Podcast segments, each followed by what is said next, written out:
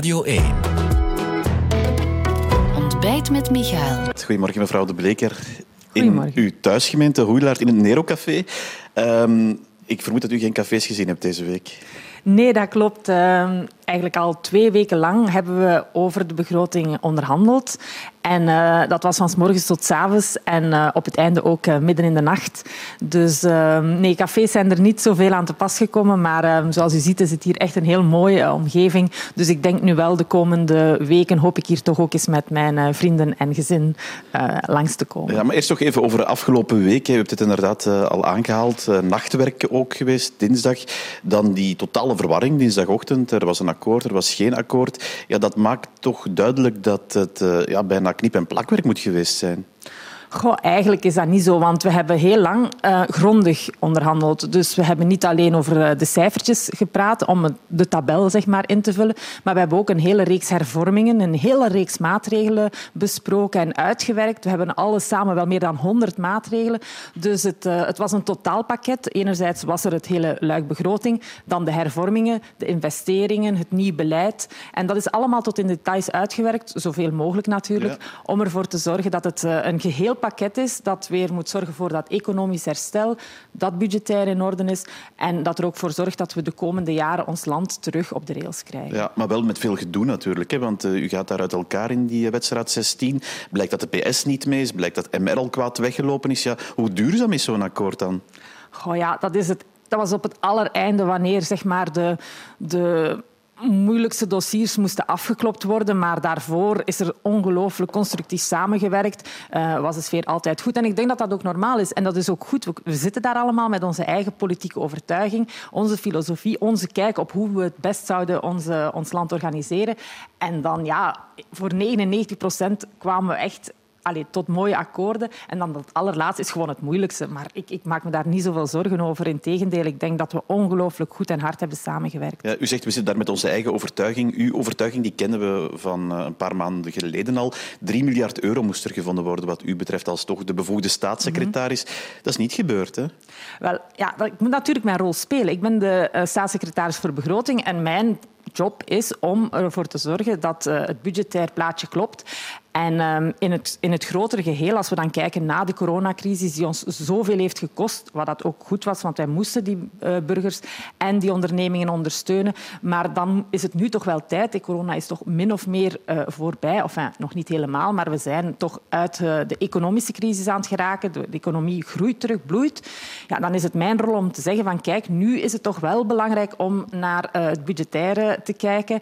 En op basis van het regeerakkoord, eh, waar eh, we een dynamisch begrotingsbeleid in hebben eh, vastgelegd, was het zo dat er een vaste inspanning moest gebeuren, die ook al vorig jaar is gebeurd, van 1 miljard. En daarbovenop een variabele inspanning. En als je dan kijkt naar de economische groei en het feit dat we al terug op het niveau van ons bruto binnenlands product in 2019 zaten, dan was die 2 miljard extra wel eh, eh, uit te leggen. En daarom dat ik er ook op gehamerd heb. En ik vind wel, eh, ik ben er heel zeker van dat, dat de geesten toch zijn wakker geschud en dat men toch tot het besef gekomen is dat een inspanning nodig was. Ja, maar bent u dan tevreden? Want dit is natuurlijk eh, niet wat, wat u zelf eh, in gedachten had, hè?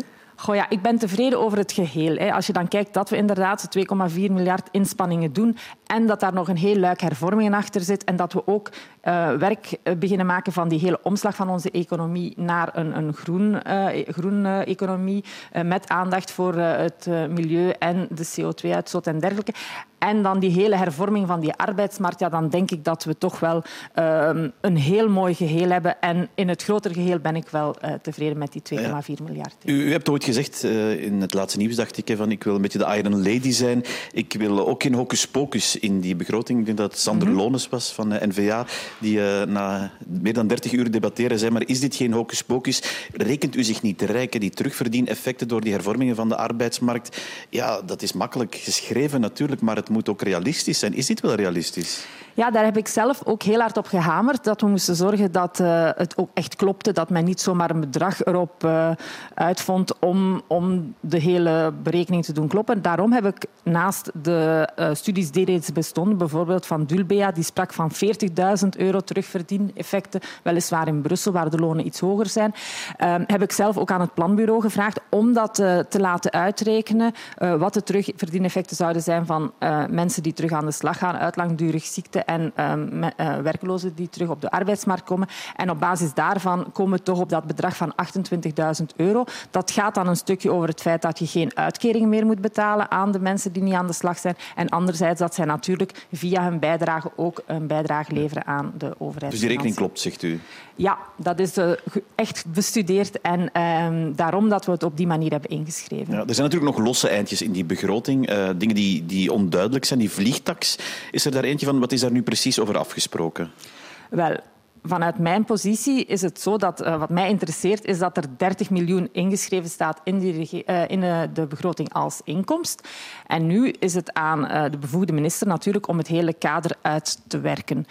Um, ik heb wel gehoord dat er allerlei cijfers de ronde doen, maar ik wil er toch op wijzen dat het aantal vliegtuigbewegingen die daar worden geciteerd um, gebaseerd zijn op 2020, wanneer corona in, volle voegen was. Dus dan moeten we toch wel beginnen rekening te houden met andere cijfers die toch ongeveer een derde hoger zijn qua vliegtuigtrajecten. Ja.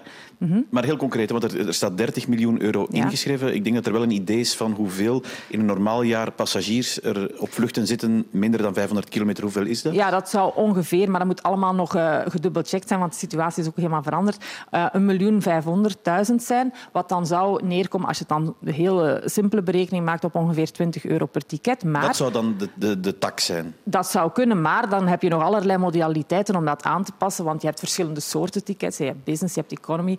Um, maar al die zaken zijn eigenlijk helemaal niet mijn bevoegdheid. Dat is de minister van um, Transport die dat moet... Uh, ja, maar dus een 20 euro per ticket is in een, een normale omstandigheden uh, als je tot die 30 miljoen euro wil komen? Dat, dat is de simpele berekening, maar de, deta de, details moeten natuurlijk verder uitgewerkt worden. Ja, ik hoor je ook zeggen, er is een verschil bijvoorbeeld tussen businessvluchten of wie in business vliegt en in economy vliegt. Ook dat kan zijn dat de tax daar anders ligt? Ja, dat zou kunnen. Dat, ik, dat is nu zelf, daar denk ik nu zelf aan, maar dat moet men dan eens uit, uh, uitrekenen of dat, dat kan. En uh, ja, de voorwaarden bepalen hoe men dat vastlegt.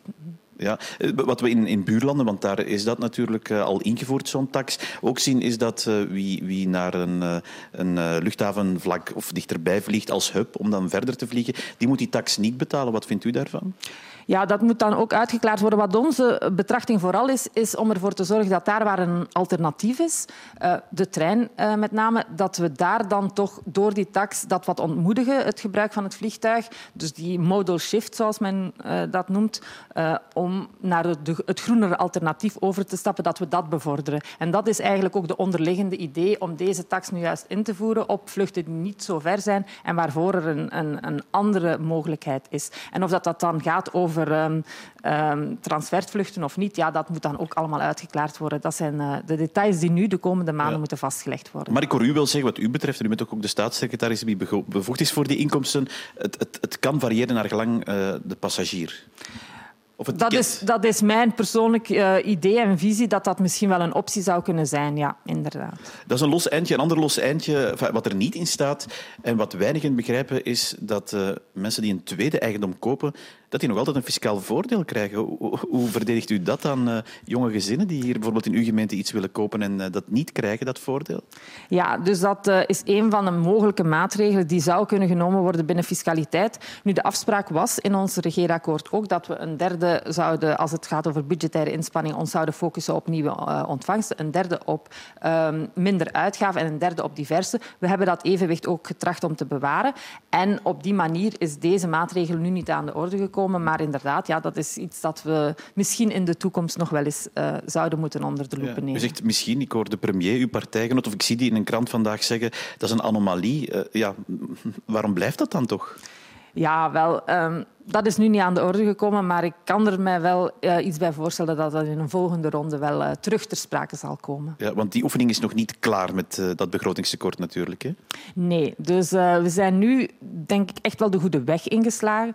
Um, we doen een serieuze budgettaire inspanning. Ons ehm, tekort gaat uh, significant naar beneden, hè, 10 miljard naar beneden.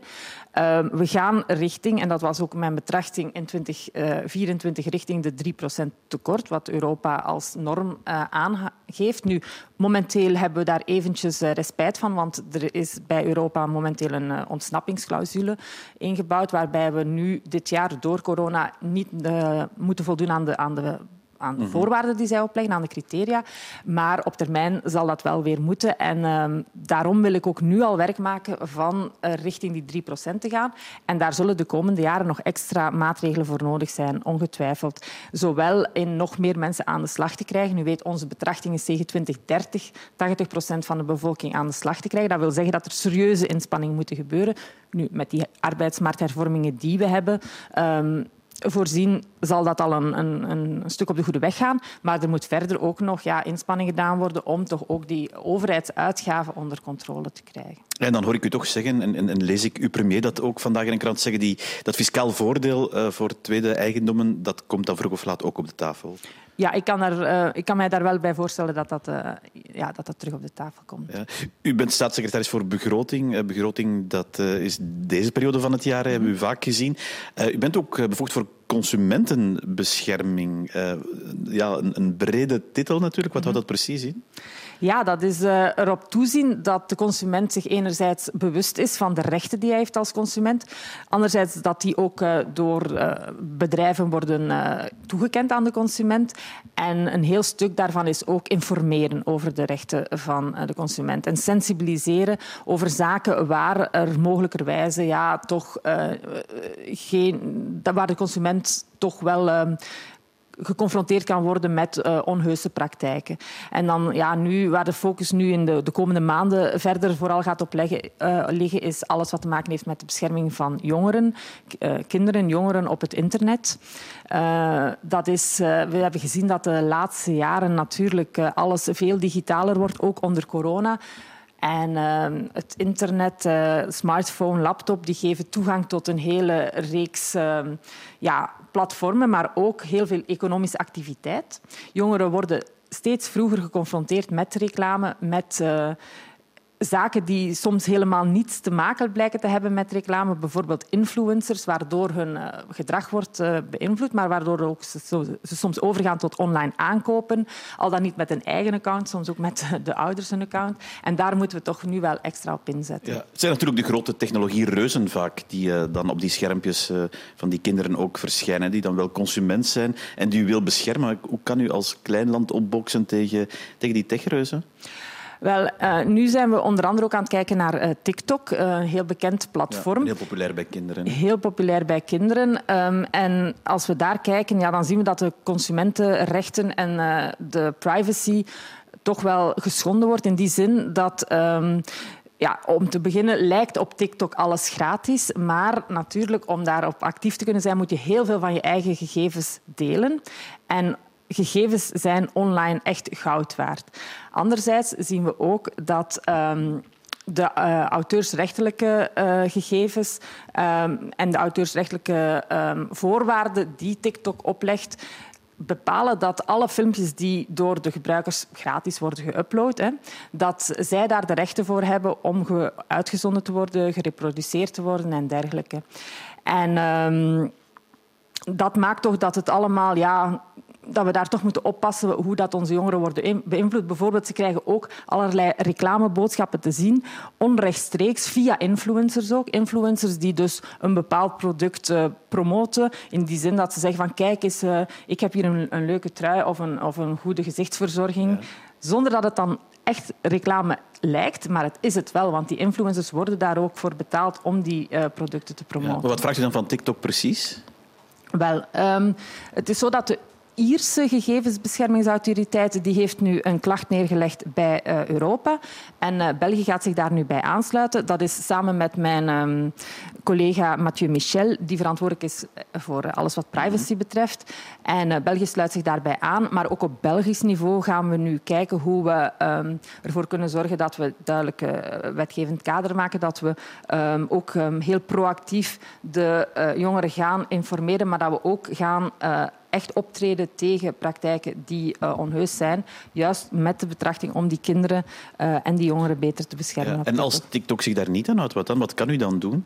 Wel, we zien nu dat uh, de gesprekken die, aan de, uh, die opgestart zijn met de Europese Commissie, dat TikTok nu toch tot het inzicht is gekomen dat er werk aan de winkel is en dat de eerste stappen zijn gezet om toch de consumentenbescherming binnen Europa, uh, die regels daar rond te volgen en ook alles wat te maken heeft met uh, privacybescherming. Uh, en ja, we kunnen alleen ook maar zelf onze jongeren verder blijven um, informeren over het feit dat alles wat te maken heeft met die influencers. Um, ik heb daar een hele campagne rond gedaan in het voorjaar. Um, dan hebben we met vijf bestaande mhm. Belgische influencers daar rond gewerkt. Ja, dat is die consumentenbescherming, dat loopt altijd door. Hè. Dan, uh, mm -hmm. De begroting, wanneer begint die oefening nu opnieuw? Uh, want dan zitten we bij die andere bevoegdheid van u. Is dat nu afgelopen voor uh, eh, 2022? Wel, nee. Dus nu hebben we... We zijn daar dat start eigenlijk al in april. Dus in april zijn uh, alle mensen, de, de mensen bij uh, dus de administratie, de mensen in mijn kabinet, de mensen in andere kabinetten die met begroting bezig zijn, die hele technische oefening gestart. Um, nu ligt dat dan uh, het totale voorstel op tafel, maar moet het, zoals ik daarnet nog zei, het kader is er, maar het moet verder uitgewerkt worden. Dus nu gaat de administratie, de kabinetten weer alles omzetten in, in, in de tabellen, in de cijfers, in het in het uh, totaal akkoord. Dat dat moet dienen volgend jaar als instrument om telkens er uitgaven zijn dat allemaal op te volgen binnen die begrotingstabellen. Dat moet klaar zijn, gestemd worden in het parlement in december. En dan ja, dan het volgend jaar begint. En vanaf februari begint dan de begrotingscontrole-oefening om uh, waar het nodig is nog aan te passen. En dat ligt dan in juli weer in het, uh, in ja. het parlement. En de oefening stopt niet, want dat begrotingstekort is nog niet weggewerkt. Dus uw uh, taak is de komende weken en maanden ook nog duidelijk. Dank u wel in elk geval voor dit gesprek, mevrouw De Bleker. Met veel plezier. Dit was Ontbijt met Michael, een podcast van Radio 1. Ontdek nog meer podcasts van Radio 1 in onze app en op radio1.be. Altijd benieuwd.